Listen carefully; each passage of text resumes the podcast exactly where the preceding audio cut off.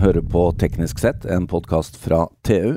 Mitt navn er Jan Moberg, og jeg sitter i Arendal. Det er Arendalsuke, og jeg har med meg Odd-Rikard Valmot. Hei Jan, nå er vi i gang igjen. Nå er vi i gang igjen, og eh, vår første podkast herfra i år, Odd-Rikard, skal dreie seg om digitalisering. Ja, Ja, Det er jo et stort tema, da. ja det, vi har jo snakka om det i jeg skulle si siden krigen, men, men eh, det, det, det blir stadig større tempo på det. Ja. Ja. Og det som er spesielt spennende, er jo at mye skjedde under pandemien. Eh, vi burde jo kunne få litt ekstra fart, eh, gitt det vi lærte under pandemien. Mm. Og nå har du et par digitaliseringsdarlings fra det offentlige. Jeg syns jo e-resept er et godt eksempel på god E-resept. utvikling. Ja, og jeg, jeg syns jo det her med alle som har opplevd selvangivelsen på gamlemåten, Skatt, ja, det var syns jo jo at det er helt fantastisk. Tok noen år, men nå Det- funker det jammen meg. men det viser Ja. at de, eh, de kunne når de ville. Vi eh, har eh, i- imidlertid fått med en gjest som ikke er norsk, fordi vi tenkte for det første at det kan være fint å få noen øyne som ser norsk digitalisering utenfra. Og så har jo dette selskapet da bidratt til å digitalisere Norge. Så vi må bare ønske velkommen til administrerende direktør og medgründer av Netcompany, André Rogasewski. Velkommen til oss. Tusind tak. Dejligt at være her. Ja, du, nå er du i Arendal på Arendalsuka. Er det din første Arendalsuke? Det er min allerførste Arendalsuke. Jeg har jo været vant til at gå på det danske folkemøde, ja. som er det samme. Øh, og jeg glæder mig virkelig til de mange debatter, jeg ser her i Norge omkring digitalisering. Det fylder utrolig meget i det Ja. norske samfund. Nå, nå er vi de første du snakker med, kanskje? I er de allerførste, jeg taler. første. Så når vi, når vi plukker opp deg etter et par døgn, så skal vi se at da er du oh. Ja, og sådan lidt trætte øjne. Og, Ja. ja.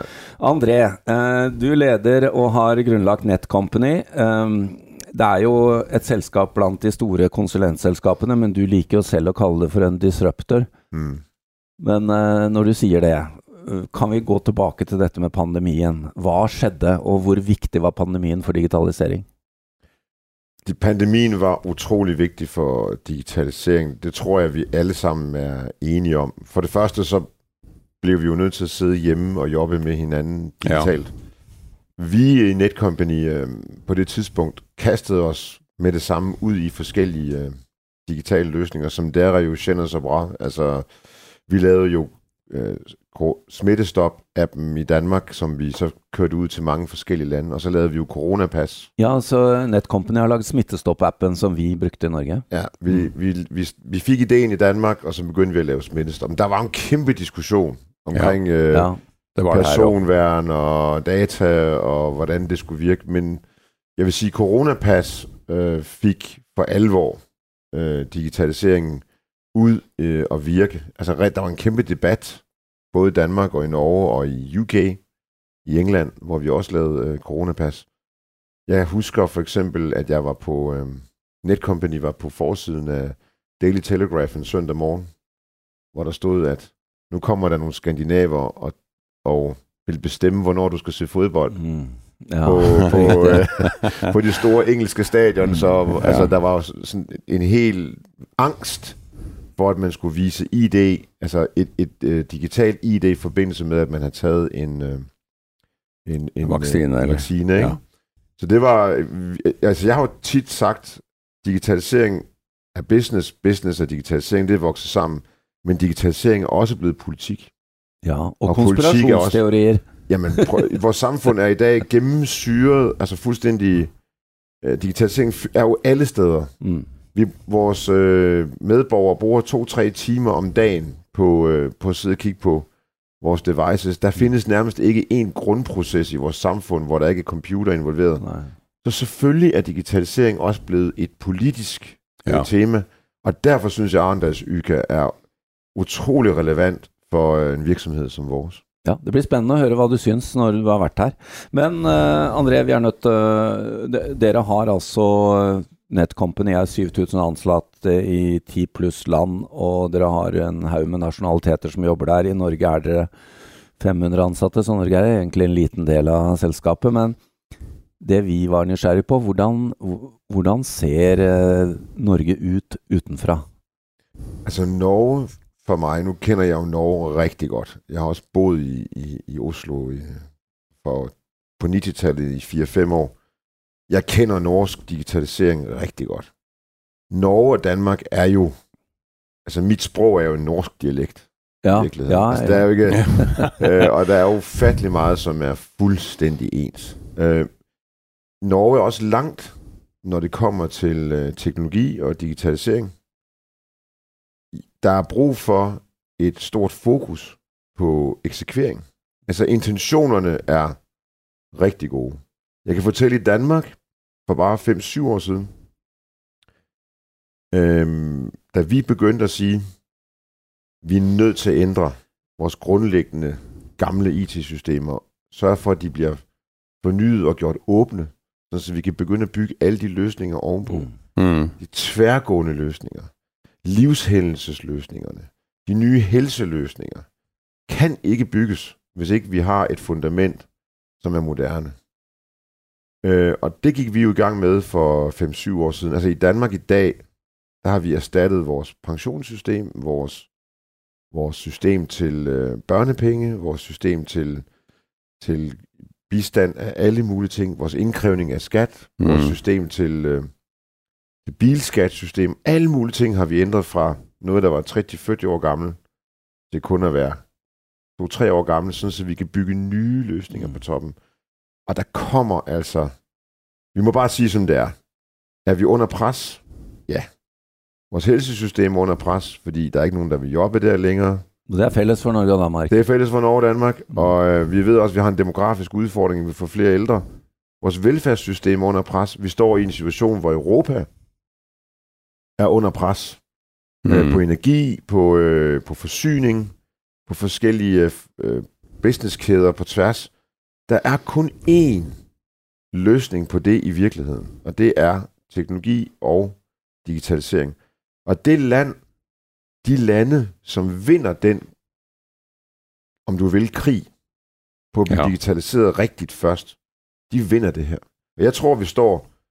De øh, få ligesom- eksportinntekter. Jamen, jeg, jeg, jeg tænker, hvis man tænker efterkrigstiden, altså nu nævnte. Ja. du jo selv krig, Ja, ja. men altså på 50-tallet, 60-tallet, der lykkedes det jo faktisk Norge og Danmark at vinde i forhold til at industrialisere vores samfund. Ja. Vi blev moderne industrisamfund. Det skabte jo norske og danske virksomheder, som, som var unikke. Mm. Vi står i samme situation lige nu. Altså, hvis ikke vi forandrer vores samfund hurtigere, med mere fart, digitalt, end andre gør, så ligger vi ikke nødvendigvis nummer Nej. et i fremtiden. Og det skal vi forstå. Hva, hvis du ser, altså Behovene er jo fordelt over hele samfunnet. Um, Men um, er du enig i at det er helse som har, hvor de største gevinstene kan hentes? Der Ja. bruker vi jo mest penger også. På helseområdet er der nogle helt åbenbare kæmpe gevinster at hente. Selvfølgelig er der hele dataområdet, hvor vi kan blive bedre til at diagnostisere sygdomme. Ja, ja. ja. Og der skal vi have løst den problematik, der hedder, hvornår må vi bruge sundhedsdata? Hvornår må vi ikke? EU hjælper os selvfølgelig med ny lovgivning, men der skal vi som enkelte lande gøre, hvad vi kan. Vi har en kæmpe udfordring på hele processeringen, på hospitaler, på plejehjem, ja.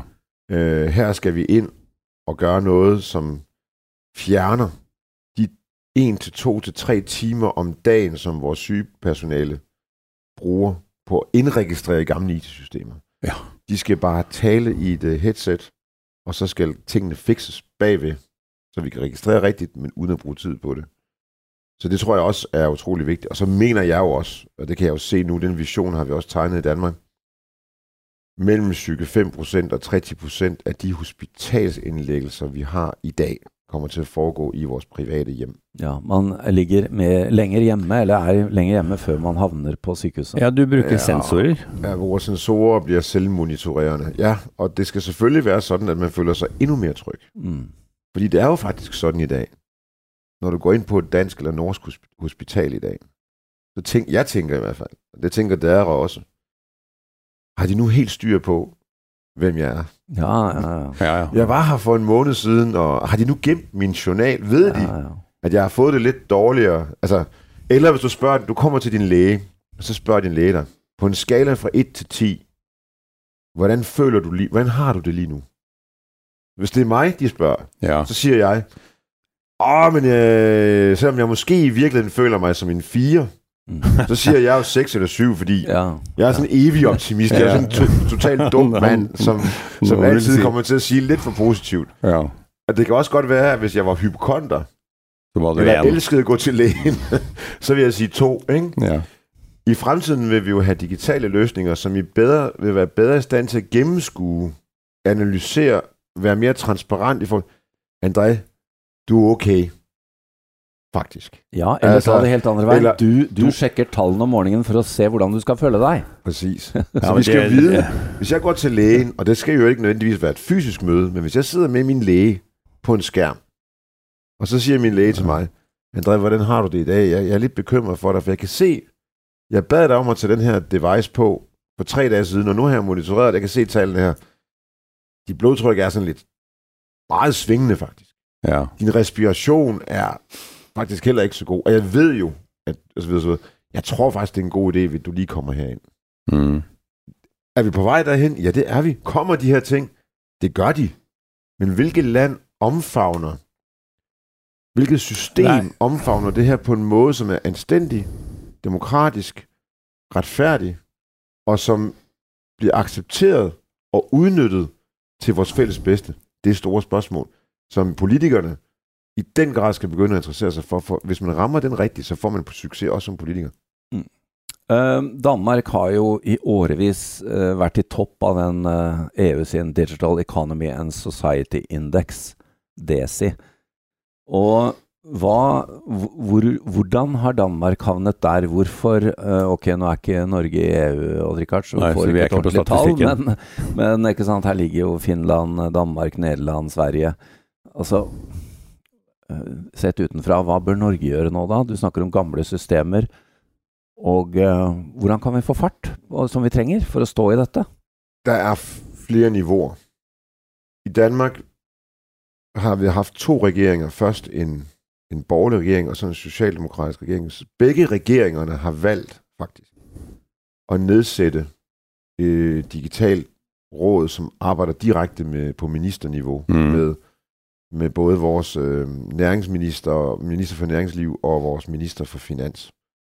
Og, har, og man har faktisk lagt en klar digital strategi. Så det er sådan på det strategiske område, er man ganske langt. Altså man, går, man, man tør godt Ja. at gå ud og sige, skal vi være de første til hospitalsindlæggelser? Vi diskuterer det. Mm.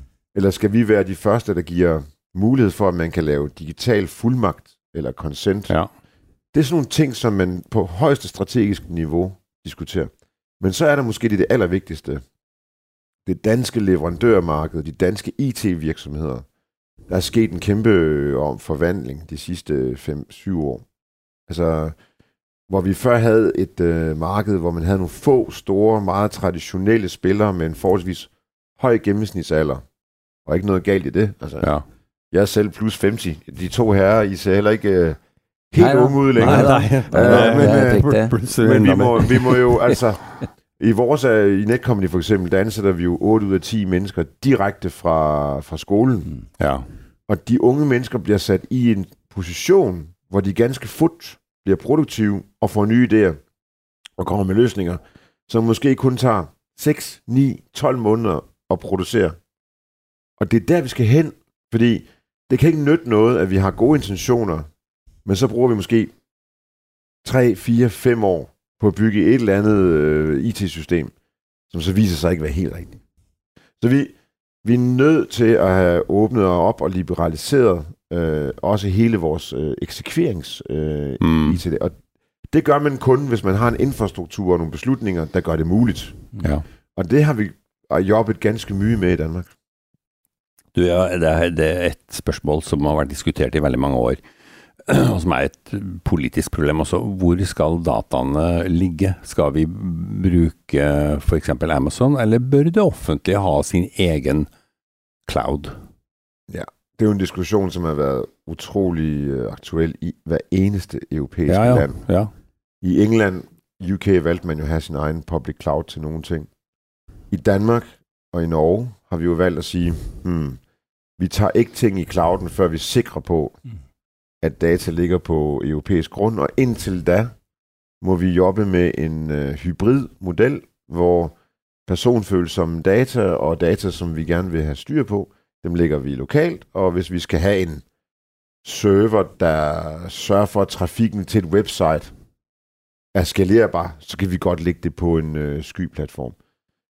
I virkeligheden, så tror jeg, at det allervigtigste, det er, at man vælger en, øh, en vej, som gør, at man ikke står stille.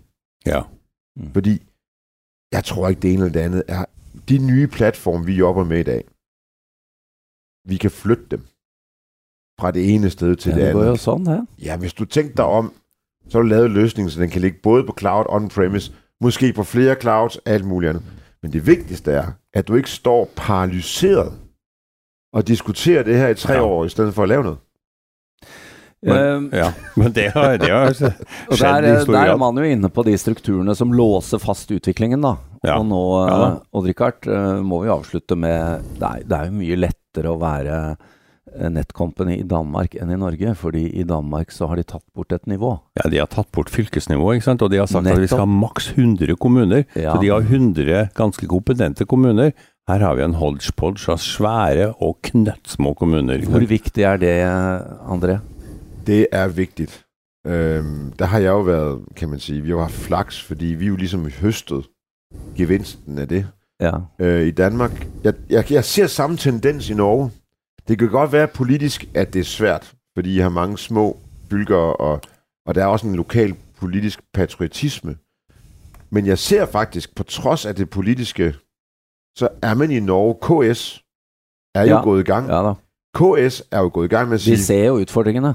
Selvfølgelig. Mm. Og så må man også bare sige, der er bare nogle systemer og nogle ting, som må være ens for hele Norge.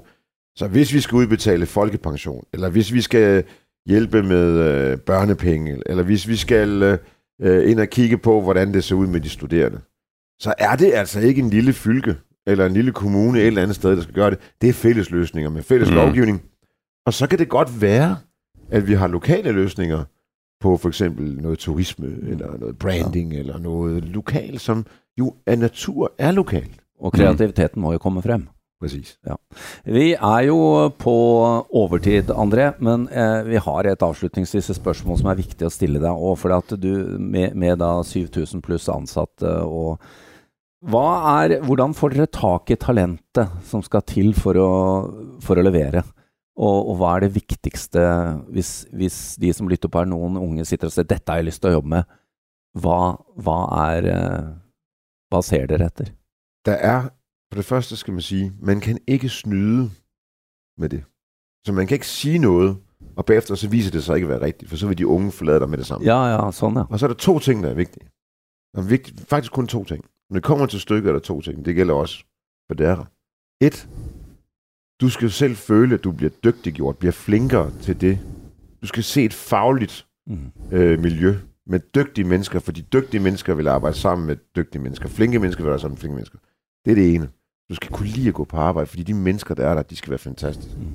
Så det er utrolig vigtigt. Altså, det, det kan næsten ikke øh, undermineres. Og så er der noget andet, som kendetegner specielt de unge mennesker i dag. Der skal være et formål med at stå op Ja. mandag morgen Mm. klokken 9. Your purpose. Og der skal, du, der skal du som leder og som virksomhed ikke bare sige det, men godt dammit gøre det. Så hvis du har holdninger til sundhed, og hvordan du vil redde den demografiske udfordring, eller hvis du har holdninger til den sikkerhedsmæssige situation med Ukraine-konflikt, Rusland, Kina, hvad for et samfund vil du bygge, så skal du sige det, og du skal gøre det. Du skal have projekter, som viser vejen. Mm. Det, og hvis du kan det og gør det, så kan jeg love dig, så kommer alle de unge, og det kan vi jo se her i Norge. Vi har kæmpe succes med at rekruttere nye unge mennesker. Bare i den her måned starter der 70 nye mennesker fra både Trondheim og i Oslo. Så det, Yes. er, det er jeg rigtig glad for. Veldig bra. Eh, takk, André. Vi må eh, ønske deg lykke til på disse dagene på Arendalsuka. Og så får vi høre med deg etterpå om du har hatt eh, dag, the days of your life. Tusind tak, fordi jeg måtte være med. Tak til Odd-Rikard Valmot, og mit navn er Jan Moberg.